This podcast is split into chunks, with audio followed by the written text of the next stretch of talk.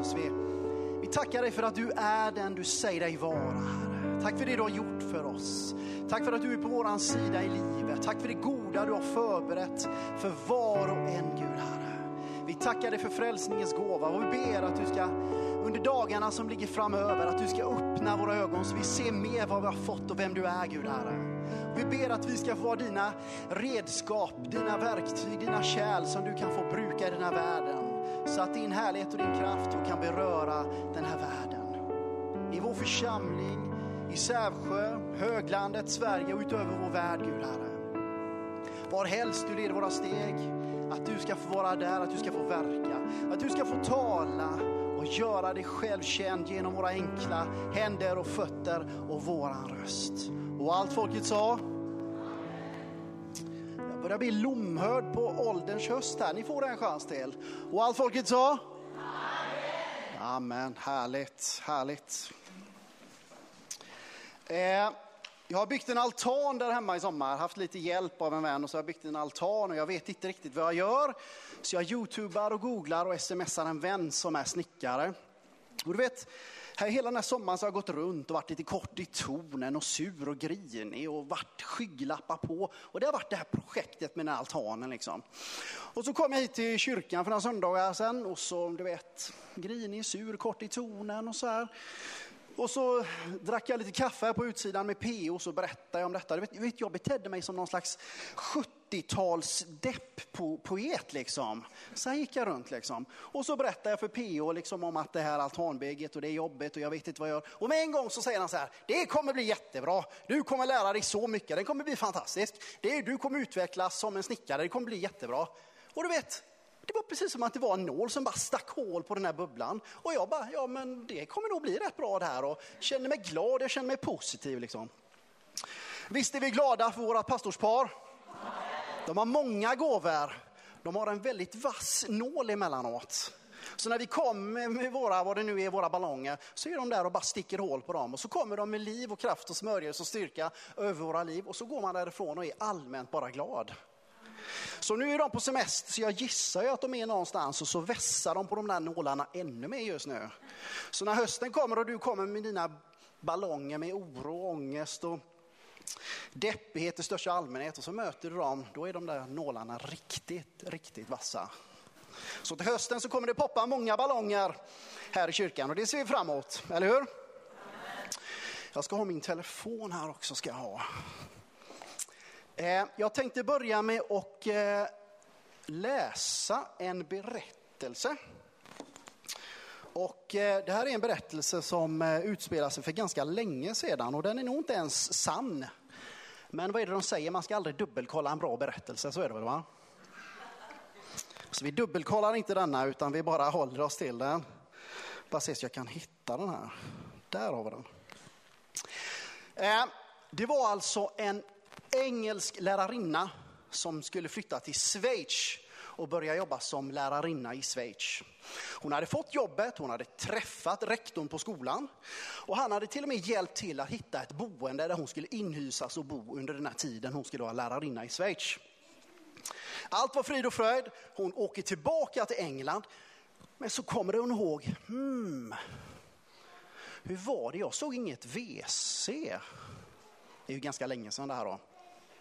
Hur var det? Jag såg inget WC inne där jag bodde. Det fanns inget WC i korridoren, det fanns inget WC i källaren. Fanns det något på utsidan? Hmm, jag vet inte.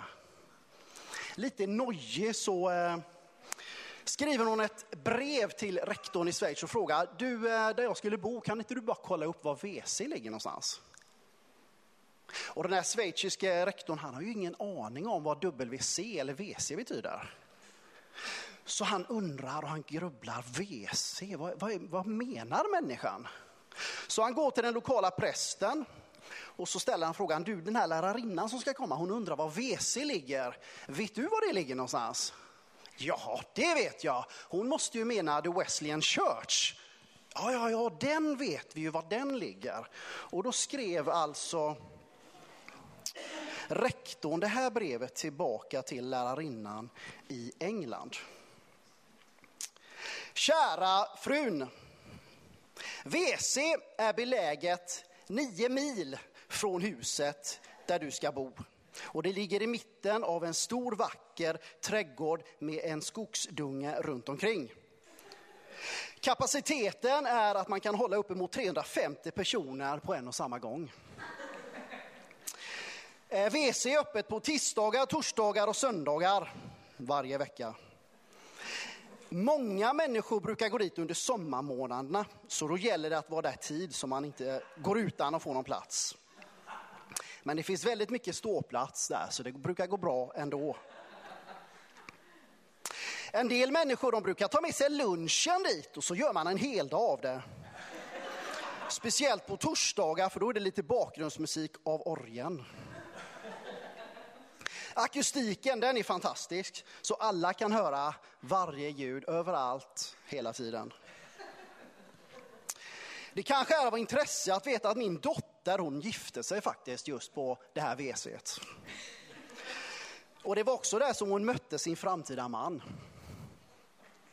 Vi hoppas att du kan vara här i tiden för vår basar som ska hållas ganska snart. För överskottet av basaren ska nämligen gå för oss att köpa värderade säten på vårat WC. För de vi har just nu, de är väldigt slitna och en del av dem har till och med hål i sig. Eh, min fru hon har det ganska jobbigt just nu så hon har inte kunnat gå speciellt regelbundet. Nu är det uppemot sex månader sedan som hon var där och självklart så smärtade henne något oerhört att inte kunna gå mer ofta än så. Jag avslutar nu med en önskan att ha det här, arbeta och bo här och när tiden kommer framöver så vill jag med glädje paxa eller hålla en plats för dig på WC. Antingen just innanför dörren eller längst fram om du så skulle vilja. Och så skriver han under med sitt namn som rektor. Förväxlingar, är det inte roligt så säg. Älskar det här med förväxlingar. Eh, jag ska börja läsa från Matteusevangeliet här idag, kapitel 5 och vers 3. Matteusevangeliet kapitel 5 och vers 3. Där står det så här. Saliga är de som är fattiga i anden, dem tillhör himmelriket. Vi läser den bibelversen en gång till för den är så bra. Saliga är de som är fattiga i anden, dem tillhör himmelriket. Vi befinner oss i det som, Jesus, som vi brukar kalla för bergspredikan. I Matteus 5, 6 och 7 så håller Jesus ett långt, långt tal. Och han börjar det här talet med att säga det här. Saliga är de som är fattiga i anden, dem tillhör himmelriket. Om vi skulle gå till i sagans värld eller i filmens värld så är det ju alltid så här att vi har en kung, vi har en drottning, vi har en prinsessa och så har vi en drake eller ett problem och så har vi en hjälte och massa människor. Och du vet kungen han säger alltid så här, den som kan slå ihjäl draken eller lösa problemet, han får gifta sig med min dotter prinsessan och så får han halva riket. Och ibland är det verkligen inflation för då får man bara en tredjedel av riket. Men Jesus han pratar aldrig om halva riket utan han säger att den som är fattig i anden, den tillhör hela himmelriket. Så man skulle också kunna säga så här, att den som är full av sig själv, han har bara sig själv och sin egen kraft att förlita sig på. Men den som är fattig i sig själv, han har ett helt himmelrike att tillgodose sig. Och det mina damer och herrar är riktigt bra grejer. Eh, för ungefär 250 år sedan så eh, jobbade jag på en bibelskola och då skulle vi leda ett team. Jag skulle leda ett team till Indien. Och vi skulle vara nio personer som skulle åka dit och vara där i elva veckor. Och du vet, jag hade noll erfarenhet av att leda team eller människor eller ungdomar. Och jag bara tänkte, hur ska det här gå? För övrigt så är det exakt samma bibelskola som Hanna Danielsson har gått nu här i våras. Och jag bara tänkte, Gud om inte du hjälper mig, hur kommer det här gå liksom? Så det var bara ett enda stort rop från mitt hjärta. Gud, hjälp mig! För om inte du kommer och hjälper mig, då blir det inte speciellt bra. Så varje morgon så började jag med bibelläsning och bön. Jag tog långa bönepromenader, jag lyssnade på lovsång, jag fastade och jag sökte Gud. Och när helst det gavs tid så drog jag mig undan för att verkligen söka Gud. Och när vi som team samlades eller var på plats och arbetade där nere så såg jag alltid till att vi alltid bad till Gud. Inte bara en sån här slentrian liksom bön på 30 sekunder och sen skulle vi göra allt det där andra. Utan jag såg till att vi alltid bad ordentligt och sökte Gud för när vi skulle göra saker och ting. Och du vet när jag ser tillbaka på den här resan, det var en helt fantastisk resa. Jag skulle kunna gå och stå här fram till onsdag och bara berätta historier från de där elva veckorna som vi var iväg. Men varför blev det en sån bra resa? Jo, helt enkelt därför att jag positionerade mig på en plats där jag blev beroende av Gud. Och det gjorde hela hemligheten. Kan du säga amen till det? Ni vet ju att jag är lomhörd så eh, får ni den frågan igen så kör ni på liksom. I Matteus 16 så säger Jesus så här, jag skall bygga min Ja, precis. Jag ska bygga min församling. Jag kan tänka mig att pastorsparet här i församlingen och ledningen tycker det är jätteskönt. Jesus, han bygger sin församling. Jag kan tänka mig att när de läser det så går ju axlarna ner lite grann. De tycker det är jätteskönt och de vilar ju jättemycket i det. Liksom. Och jag skulle vilja föreslå så här, det bästa sättet som du och jag kan låta eller tillåta Gud att bygga sin församling, det är om du och jag gör oss beroende av honom. Vi säger det där en gång till. Det bästa sättet som du och jag kan tillåta Gud att bygga sin församling, det måste ju ändå vara att vi gör oss beroende av honom.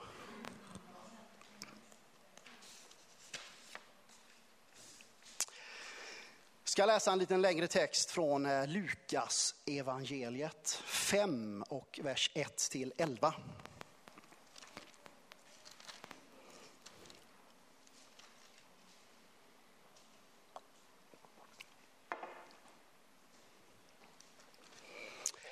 Eh, Lukas evangeliet kapitel 5 och vers 1 till 11. Där står det så här. En gång när Jesus stod vid Genesaret och folket trängde sig in på honom för att höra Guds ord, då fick han se två båtar ligga vid stranden. Och det som fiskade hade lämnat dem och höll på att skölja näten. Jesus steg då i en av båtarna, den som tillhörde Simon, och bad honom lägga ut lite från land. Sedan satte han sig ner och undervisade folket från båten. När han hade slutat tala sade han till Simon, far ut på djupt vatten och lägg ut era nät till fångst. Simon svarade, mästare, vi har arbetat hela natten och inte fått något. Men på din befallning så vill jag lägga ut näten. Det gjorde så fångade en så stor mängd fisk att näten höll på att gå sönder. Då vinkade de mot sina kamrater i den andra båten att komma och hjälpa dem och det kom och de fyllde båda båtarna så att de var nära att sjunka. När Simon Petrus såg det föll han ner för Jesus och sade, gå bort ifrån mig herre, jag är en syndig människa. Ty han och alla som var med honom hade slagits med häpnad över den fångst de hade fått. Också Jakob och Johannes, Sebedeus söner, som fiskade i lag med Simon. Men Jesus sa det till Simon, frukta inte, härefter ska du fånga människor. Och de drog upp båtarna på land och lämnade allt och följde honom. Scenen är ungefär den, Jesus han är ute, det är tusentals människor där, han undervisar och det är lite nästan kaosartad stämning. Det är folk överallt. Det är kvinnor med, med, små barn som kommer fram till honom för att han ska välsigna dem. Det är någon som är sjuk som vill ha förbön. Det är någon som skriker, det är någon som ropar. Ja, men det är ungefär lite, lite smått kaosartat. Så Jesus han tänker, hur ska vi lösa detta, Och det är två båtar här. Så medan folket är på stranden så kliver han ju i en av båtarna och så sätter han sig ner och så undervisar han. Idag är det tvärtom. Jag får stå och ni får sitta. Jesus han fick sitta och folket fick stå. Tänk vad det kan hända på 2000 år. Och du vet, när Jesus har undervisat färdigt så vänder han sig till en av fiskarna som heter Simon. Simon, låt oss fara ut på djupt vatten och fånga en stor mängd fisk. Och du vet Simon han ju fiskare kanske i generationer. Han kan ju det här med fiske. Och han tänker så här. Alltså jag har fiskat hela natten. Jag har inte fått något. Bara sjögräs, maneter och annat men inte en fisk. Ha, tusentals människor där. Jag vill verkligen inte åka ut. Till råga på allt så funkar ju bara mina fiskeredskap på grunt vatten. Nu säger den här Jesus att vi ska ut på djupt vatten och lägga ut näten för en stor mängd fisk. Alltså det är lite pinsamt. Alltså jag är fiskare, han verkar vara någon predikant, han vet ingenting om fiske. Jag vill inte ta mina sköldar nät ut på djupt vatten där de ändå inte funkar för att slösa mer tid. Kanske är det folk på stranden som bara skriker till Simon. Du, han botade min son igår, ge honom en chans.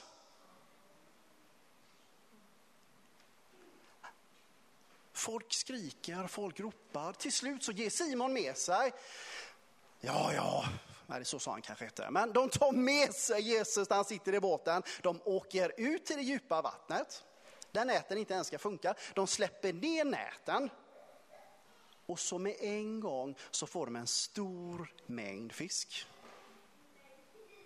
Med en gång så går ju liksom han in i sin yrkesroll, i sin profession och så börjar han att greja med näten för att fånga dem ombord och så vidare. Och det knakar och det brakar. Han har knappt aldrig sett så här mycket fisk Simon. Så de ropar till den andra båten, kom och hjälp oss! Så det kommer en ny båt och båda de här båtarna försöker att bärga det här nätet med all den här fisken.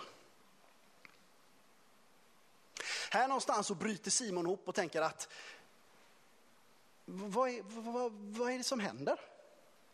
De här näten ska ju inte ens funka här ju. Här, eh, vi har precis släppt ut dem, de ska inte funka, det är så mycket fisk. Och så inser han att här har någonting hänt liksom. Bryter ihop, blir förkrossad, vänder sig till Jesus och säger att gå bort ifrån mig. Jag är en syndig människa. Jesus kanske går fram och lägger handen på axeln och säger att frukta inte Simon. Från och med nu ska du fiska människor, bli en människofiskare. De drog upp båtarna på land och där blev de lärjungar till Jesus. Fantastisk bibelberättelse, eller hur? Alltså jag har ju fiskat själv, jag har jobbat inom fiskindustrin. Jag vet ju hur människor är när man får fisk och när man inte får fisk. Då är man ungefär som jag var i början, man går in och blir någon poet, 70-talspoet som är deppig som inte får någon fisk. Liksom. Men den fiskare som har fått fisk, han är ju i toppform liksom. Eller hur? Men om, vi, om, om, man skulle ställa en fråga till den här bibelberättelsen. Varför gjorde Jesus det här, det här, det här fiskeundret liksom? Var det att han tänkte, Ja, men vi har, jag har inte gjort ett, oh, han sa ju det, jag har inte gjort ett under på 11 minuter, jag måste nog se till att göra någonting liksom. Eller var det de tusentals människorna som stod på stranden som han tänkte att vi får fixa lite mat till dem? Eller vill han bara vara cool och använda sina gudomliga krafter liksom? Troligtvis inte. Jag tror så här. Jag tror att Jesus kommunicerar någonting till Simon fast han använder inte ord. Och jag tror att Simon förstår precis vad Jesus menar även om Jesus inte använder ord. Och jag tror att Jesus kommunicerar samma sak till dig och mig den här dagen. Jag tror att det som Jesus kommunicerar till Simon den här dagen är två saker. För det första, Simon, allt är möjligt för mig. Jag tror att Simon förstår det här, även om Jesus inte använder några ord den här dagen. Det andra som jag tror Jesus kommunicerar utan ord till Simon och indirekt till dig och mig här idag, det skulle ju vara det här. Simon, eller Sävsjö, vid slutet av dig själv kan jag göra ett under i ditt liv. Vid slutet av din egen förmåga kan jag göra ett under i ditt liv. Jag skulle vilja säga att det där är många gånger startskottet för Guds ingripande i våra liv. När vi inte har mer rep att hålla fast vid, när vi känner att nu släpper den Gud, nu får du bära eller brista. Många gånger så är det just där som är startskottet för Guds ingripande i våra liv. Ibland så brukar vi säga att Jesus plus ingenting, det är ju det som är evangelium. Jesus plus ingenting. Jag hade en, jag vet inte om det är rätt ord, men det, det fanns en teolog, en bibellärare, en, jag brukar kalla honom för Nestorn, jag vet inte om det är rätt ord, men det låter som att det skulle kunna vara rätt ord. Han sa så här, ju mindre jag gör, desto bättre. För det jag gör blir ändå inte bra. Och det ligger ändå något i det. Jesus säger till Paulus så här, vad är det han säger nu då? Min nåd är dig nog, Ty i svagheten blir kraften som starkast. Det är tänkvärda saker. Nu har vi predikat om någon slags drömscenario, liksom, där vi lever våra liv fullt ut, helt bara beroende av Gud. Och om jag ska vara ärlig med mig själv så är det inte alltid så det ser ut i mitt liv. Och jag tror att det inte alltid ser ut så i ditt liv heller. Titta på vår kyrka, på vår kristenhet i Sverige. Det är väl inte alltid så att 100% hela tiden att vi lever fullt ut helt beroende av Gud. Alltså jag är tveksam på att det är så hela tiden. Jag tror att verkligheten tyvärr ser annorlunda ut många gånger. Så nu är det så här att jag har faktiskt bjudit in en vän här idag. Och han står till höger om mig här. Kan ni se honom? Han ser ut som mig fast han har hår. Han ser ut som mig fast han har lite mer muskler och han ser ut som mig och han har lite snyggare kläder. Och han står här. Man brukar få vinka lite till honom för han blir jättesur om man inte vinkar till honom. Så om du skulle vara okej okay med det får du gärna vinka lite. Han heter nämligen Anders Andersson heter han. Och eh, Anders Andersson här, han är frälst. Han går alltid till kyrkan och han har gått på två eller tre bibelskolor.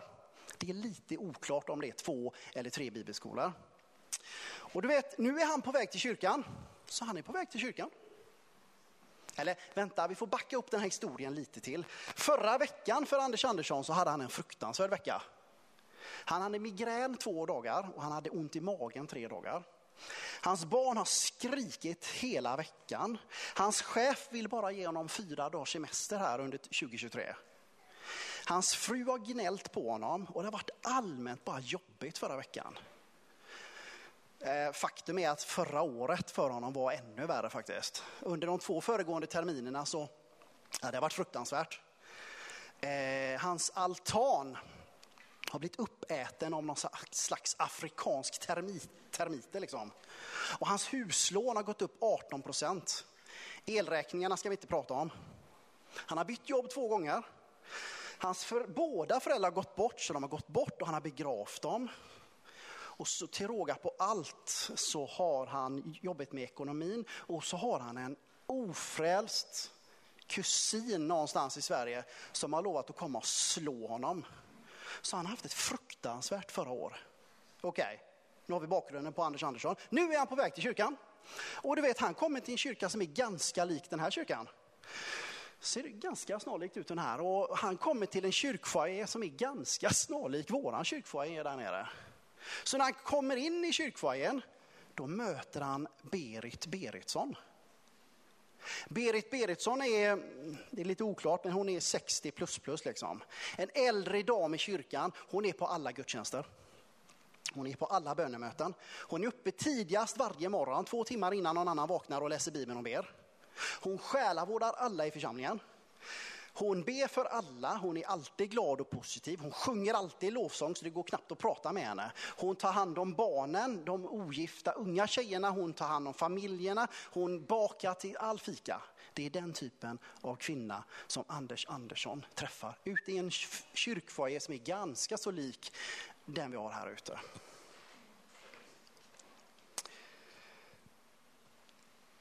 Så när Anders Andersson, förlåt, när, jo det hette han, när Anders Andersson kommer in och möter Berit, då blir Berit jätteglad att träffa honom. Nej men vad kul Anders! Vad härligt att se dig! Hon skiner från öra till öra liksom i munnen. Och så ställer hon den här frågan, hur är läget? Hmm. Alltså förra veckan var ingen höjdare liksom. Alltså föregående år var ju fruktansvärt liksom. Nu kommer dess, denna kvinna i församlingen som mer eller mindre är Jesu händer, fötter och röst i den här församlingen och frågar, hur är läget Anders? Anders Andersson han har ju varit med i kyrkan ett tag så han kan ju det här med det kristna lingot liksom. Han vet ju vad man ska svara. Det är bra, säger han. Det är bra. Trevligt att se dig med.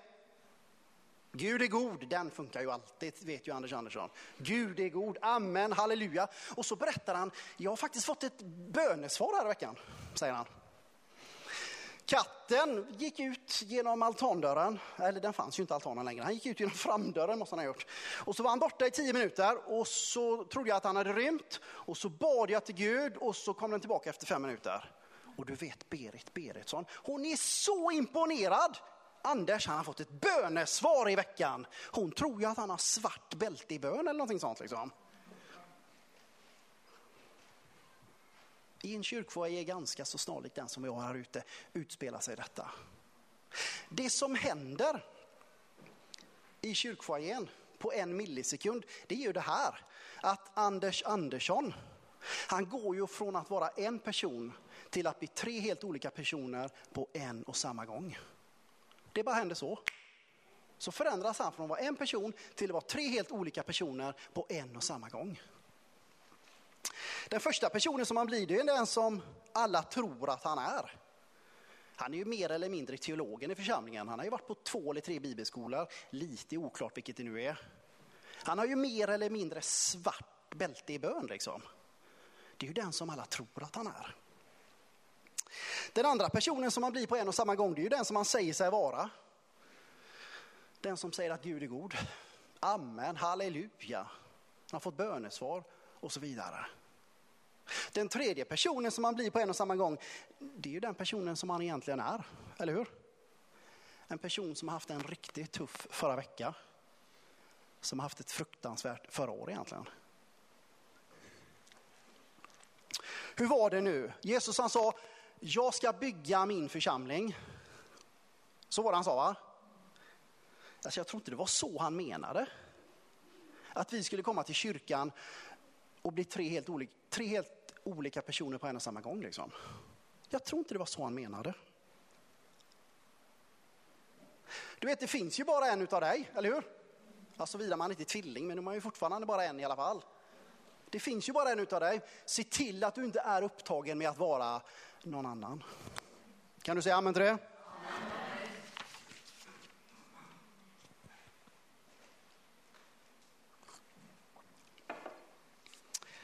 Eh, min familj, Regina och barnen, vi brukar titta på ett tv-program på fredagarna under höst eller vårtermin eller vad det är. Och det är ett tv-program som heter Masked Singer. Det här tv-programmet finns över eh, många delar av världen i olika varianter och det är väl ett ganska trevligt program om man gillar lite musik och lite gissningslekar och lite så här. Och vi älskar det. Fram med chipsen och fram med läsken och så sitter vi och lyssnar. Vem är det? För det är ju massa A, B och C-kändisar som kläs ut i en dräkt med någon mask och så sjunger de och ställer om sin röst lite grann och så sitter ju en expertjury och gissar vem är det som är i maneten. Vem är godisautomaten? Kan det vara Carola eller är Leif GW Persson eller Jan Andersson? Och du vet hela Sverige sitter och gissar och du vet man har inte en aning oftast. Men folk sitter och tittar på det. Och du vet det här är ju tävlingsprogram så i slutet så är det någon som ska vinna. Så då måste man ju rösta ut folk längs vägen liksom. Och i varje program så är det någon stackare då som har sjungit lite för dåligt än alla de andra och så blir den hemskickad och utröstad. Och då står ju hela tv-studion, programledaren, tv-folket, expertjuryn, hela Sveriges folk står upp och bankar i bordet och skriker av med masken, av med masken, av med masken. Och sakta men säkert på ett bra tv-manér så lyfter de av den här masken sakta, sakta, sakta. Och så är det liksom Jan Andersson eller Leif GW Persson, han har nog inte ens varit med, men någon annan B, A, B och C-kändis som står där. Och alla tänker bara, nej men var det du som var där liksom? Man gissar ju alltid fel, eller hur? I alla fall jag gör det. Så här står det i Bibeln i andra Timoteusbrevet kapitel 3 och vers 5.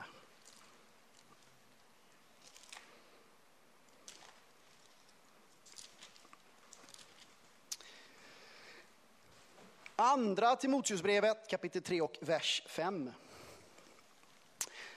kommer in i ett sammanhang och det står så här, och ha ett sken av gudsfruktan men förneka dess kraft. Håll dig borta från dem.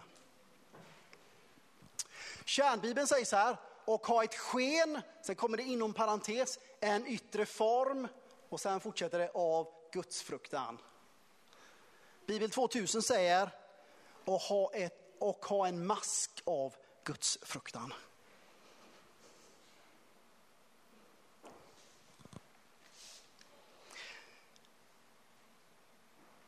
Jag tror inte det var tänkt att vi skulle leva våra liv som masked singer liksom. Med en mask på oss. Jag har svårt att se det. Vi ska våga vara de vi är, öppna och ärliga. Våran gudsfruktan, vårat gudsliv ska vara inifrån och ut och inte vara något yttre som vi visar upp för andra människor. Kan du säga amen till det? Jag tror att många kristna har en mask på sig inför varandra, inför Gud och många gånger inför oss själva också. Tyvärr. Och jag tror att många kristna hade mått riktigt, riktigt, riktigt bra av om man bara kunde ta av sig den här masken. Bara vara den man är. Jag tror det blir lite enklare för Gud att nå fram och göra någonting i den personens liv när man av med masken vågar ta sig den här masken. Hur var det nu Jesus sa i Matteus 16? Jag ska bygga min församling. Jag tror inte det var så här han menade. Att du och jag ska springa runt i våra kyrkor och leka, vad blir det då? Masked Christian Lifestyle TV eller någonting sånt. Utan vi behöver verkligen ha en slags väckelse i våra liv. Där du och jag på individnivå säger till oss själva, av med masken, av med masken, av med masken och våga vara de vi är. Kan du säga amen till det? Eller så här, jag tror att vi skulle behöva en Jesusrevolution där människor kommer till slutet av sin egen förmåga och slutar att vara någon annan än den man är och tar av sig sin mask. Det hade varit härligt, hade jag tyckt. Tänk om den Jesusrevolutionen börjar här idag och just med dig och mig. Det hade varit ännu bättre. Eh, nu ska vi se vilken ordning vi gör det här. Vi läser från, eh, jag vet inte alls. Jo, nej.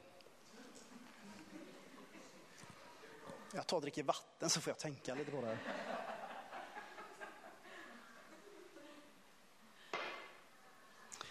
Eh, nej, för 20 år sedan kanske så kom jag i kontakt med en bok, eller jag såg en bok. Jag tror vi till och med kommer ha den på skärmen här. Om vi har tur så har vi det. Och det var en bok som var skriven av en skotsk präst för över 100 år sedan, 130 år sedan.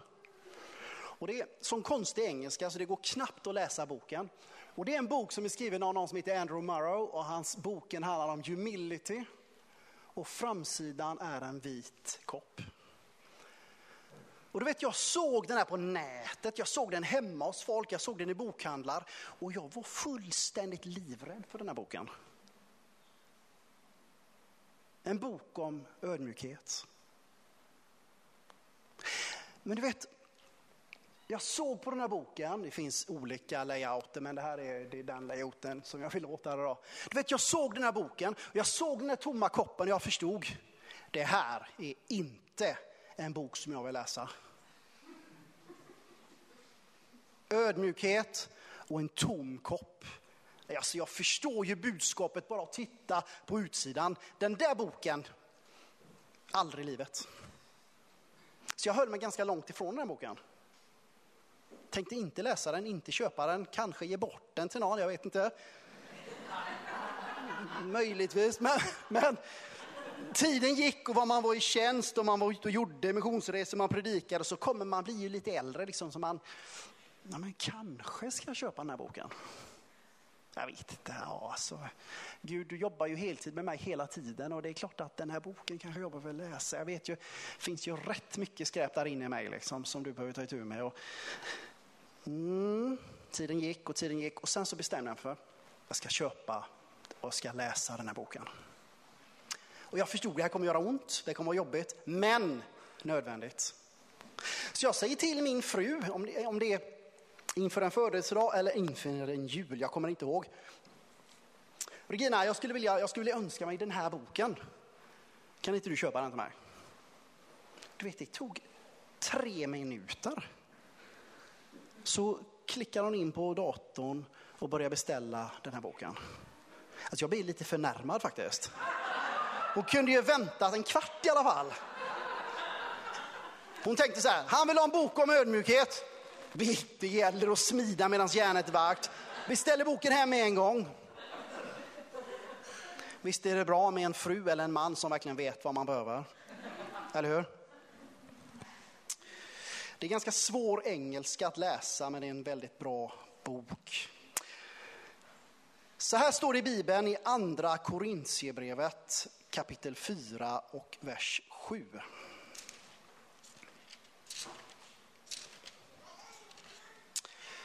Andra Korintierbrevet kapitel 4 och vers 7. Det här är våra liv. Men denna skatt har vi i lerkärl för att den väldiga kraften ska vara Guds och inte komma från oss.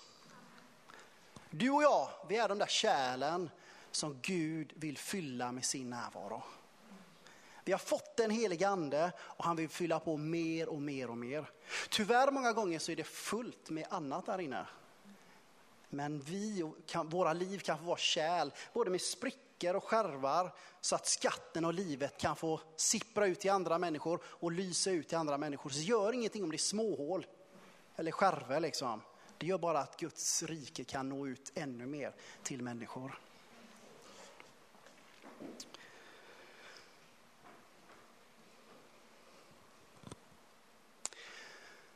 Och jag, jag, tror så här, jag tror att du och jag kan vara våra värsta egna fiender.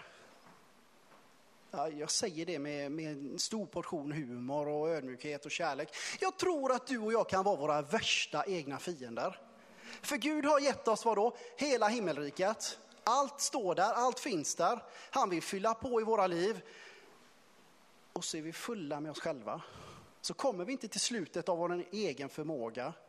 Vi blir någon annan än den vi är och vi har på oss en mask. Och det är så kontraproduktivt och dumt så det finns inte.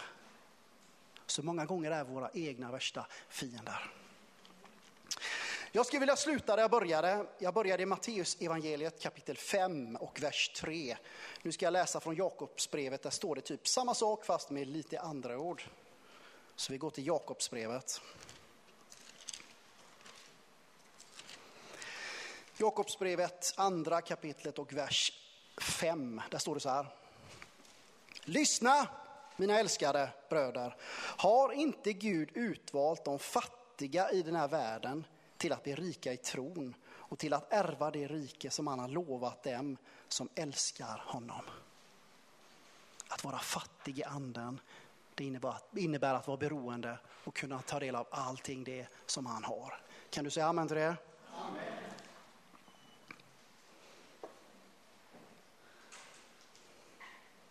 Till sist skulle jag vilja ställa frågan så här.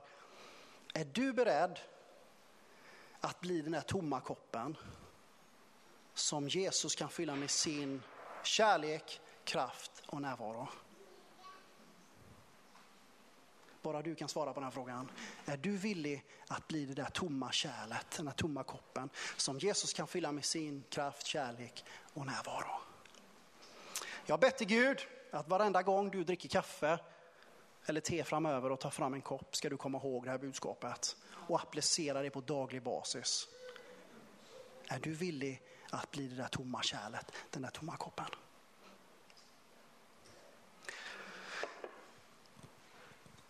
Låt oss stå upp en liten bit tillsammans.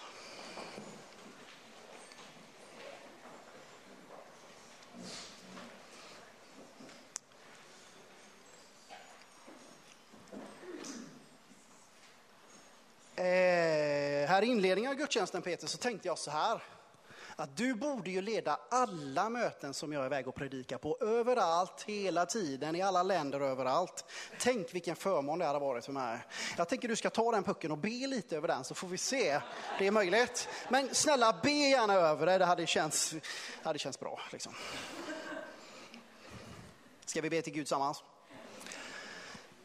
Himmelske Fader, jag tackar dig för att du är på riktigt. Tack för att du kan bli mer än ett ord. Tack för att du har kraft och kärlek och närvaro, ett liv och liv och överflöd att ge till oss Gud. Och jag ber att vi ska våga att komma till slutet av vår egen förmåga. Att inte kämpa med er egen kraft, att inte vara någon annan än den vi är och våga ta oss den här masken. Jag ber i ditt namn Gud att du ska gripa tag i en längtan och en vilja som gör att vi böjer våra knän och söker dig dagligen och säger Jesus på dina villkor. Jag vill vara tom på mig själv men jag vill också ha allt utav dig Gud. Jesus det kommer kosta oss allt men vi kommer samtidigt att vinna allt och det är ju ändå ytterst våran längtan att få förnimma och få uppleva mer utav dig i våra liv Jesus. Välsigna var och en som är här, välsigna mig, välsigna var och en som tittar online eller kanske i efterhand Gud. Fader i himmelen, låt det få bli en Jesusrörelse, en Jesusrevolution där vi vågar att göra detta även om vi kommer gå ensamma för en tid. Fader i himmelen, ske din vilja i våra liv. I Jesu namn. Amen. Och allt folket sa? Amen. Så mina öron är lomhörda. Och allt folket sa? Amen. Amen, härligt. Peter, jag lämnar över till, till dig eller till lovsångarna. Jag vet inte riktigt hur du vill göra här. Du får landa det här på något sätt. Oj. Om du kan. Oj, ja, det är inte så lätt. Tack Daniel, vilken kanonpredikan.